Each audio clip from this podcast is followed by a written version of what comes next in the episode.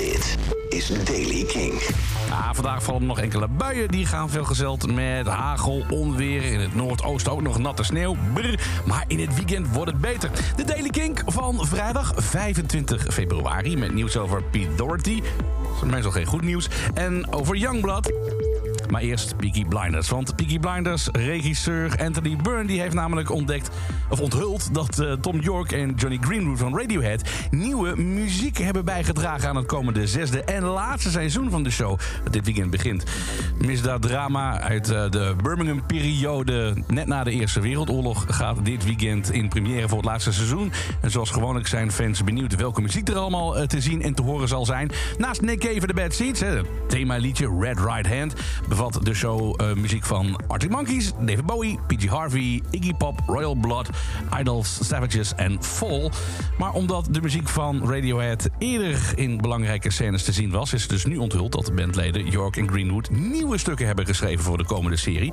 En het is een veel zwaarder seizoen, zo zegt de regisseur. Dus de score gaat een hele andere richting op. Erg benieuwd hoe dat gaat klinken, maar als het thema zwaar moet zijn, dan is dat de heren van Radiohead wel toevertrouwd. Pete Doherty die kreeg het advies gisteravond om te stoppen met optreden tijdens een concert van Libertines in Bristol. Nadat werd ontdekt dat hij een luchtweginfectie heeft. De band schrijft erom over. Helaas is hem geadviseerd om vanavond onder geen enkele omstandigheden op te treden.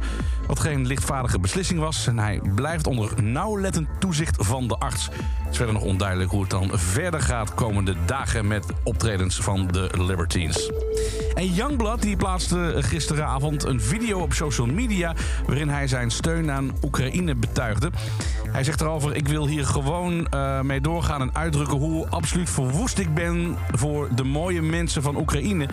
Een land waar ik vaak ben geweest en zijn schoonheid en trots voelde en een aantal ongelooflijk geweldige, vooruitstrevende mooie mensen heb ontmoet. Ik wil gewoon al mijn gebeden naar de mensen van Oekraïne sturen. En tot zover uh, het laatste muzieknieuws. Elke dag een paar minuten bij met het laatste muzieknieuws en de nieuwe releases. Wil je niks missen? Abonneer je dan in je favoriete podcast-app of op Daily Kink. En luister iedere dag eventjes in de Kink-app of kink.nl. Sowieso moet je bij Kink zijn voor nieuwe muziek en muzieknieuws. Want dat hoor je dan weer iedere maandag tot en met donderdag vanaf 7 uur bij Jasper Leiders in Kink in Touch. Elke dag het laatste muzieknieuws en de belangrijkste releases in de Daily Kink. Check hem op kink.nl of vraag om Daily Kink aan je smart speaker.